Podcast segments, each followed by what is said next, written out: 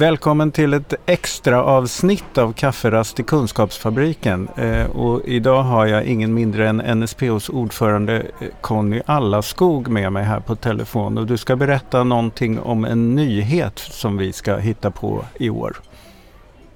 Precis, precis. I år så kommer vi att lansera något som vi går under arbetsnamnet NSPH-rapporten. Och eh, NSPH-rapporten den, eh, den syftar till att fånga upp livsvillkor för personer som har psykisk ohälsa och anhöriga. Eh, det där när man pratar livsvillkor så här, det är ett ganska brett begrepp. Är det något särskilt ni kommer liksom skjuta in er på under arbetet? Vi vi kommer ju titta på, på en mängd olika saker. Vi kommer dels titta på, på eh, offentlig statistik kommer vi att sammanställa då kring saker som ekonomi eller livsvillkor men också hälsa och vård och, och vårdköer och, och saker kring till exempel socialförsäkring och arbetsmarknad. Så att det kommer ju vara ganska, ganska breda områden men som försöker fånga upp det som vi tror är, är, är väsentligt helt enkelt för att göra den här typen av rapport. Mm.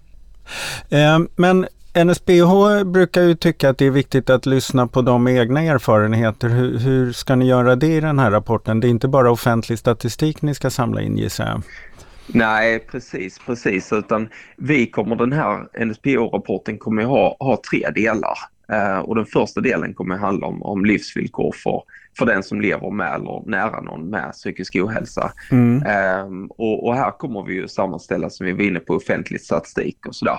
Men vi kommer också ha delar om brukarinflytande. Um, alltså vilket inflytande man till exempel får inom vård och omsorg eller i samhället i stort när man tar del av av olika typer av insatser och sådär. Mm. Och hur man kan påverka som förening och, och civilsamhälle, hur man kan påverka vården. Men vi kommer också ha något vi kallar årets tema.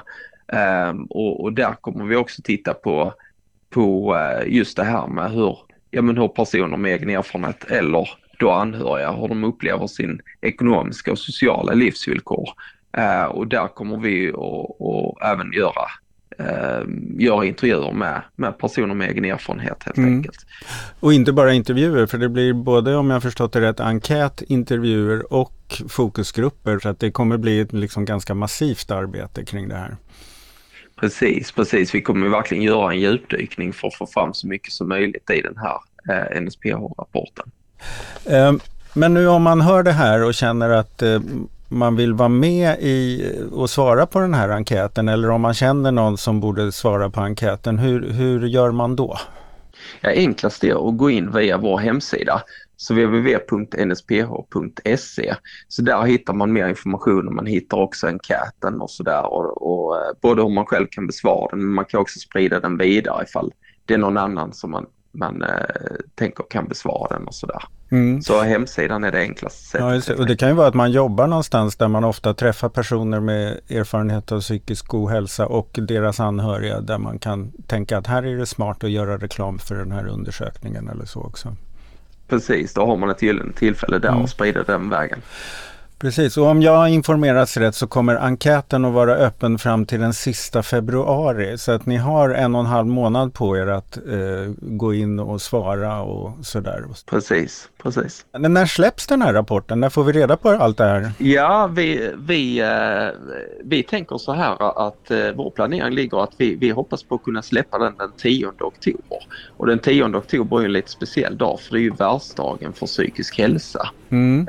Um, så det är vår tanke helt enkelt att NSPO-rapporten släpps den 10 oktober på världsdagen för psykisk hälsa. Vad kul! Men hörni, då, då tror jag vi var klara med det här lilla extra avsnittet. Gör reklam för vår undersökning och se fram emot vår rapport som kommer i oktober. Precis. Toppen! Tack ska du ha Conny! Tack så mycket!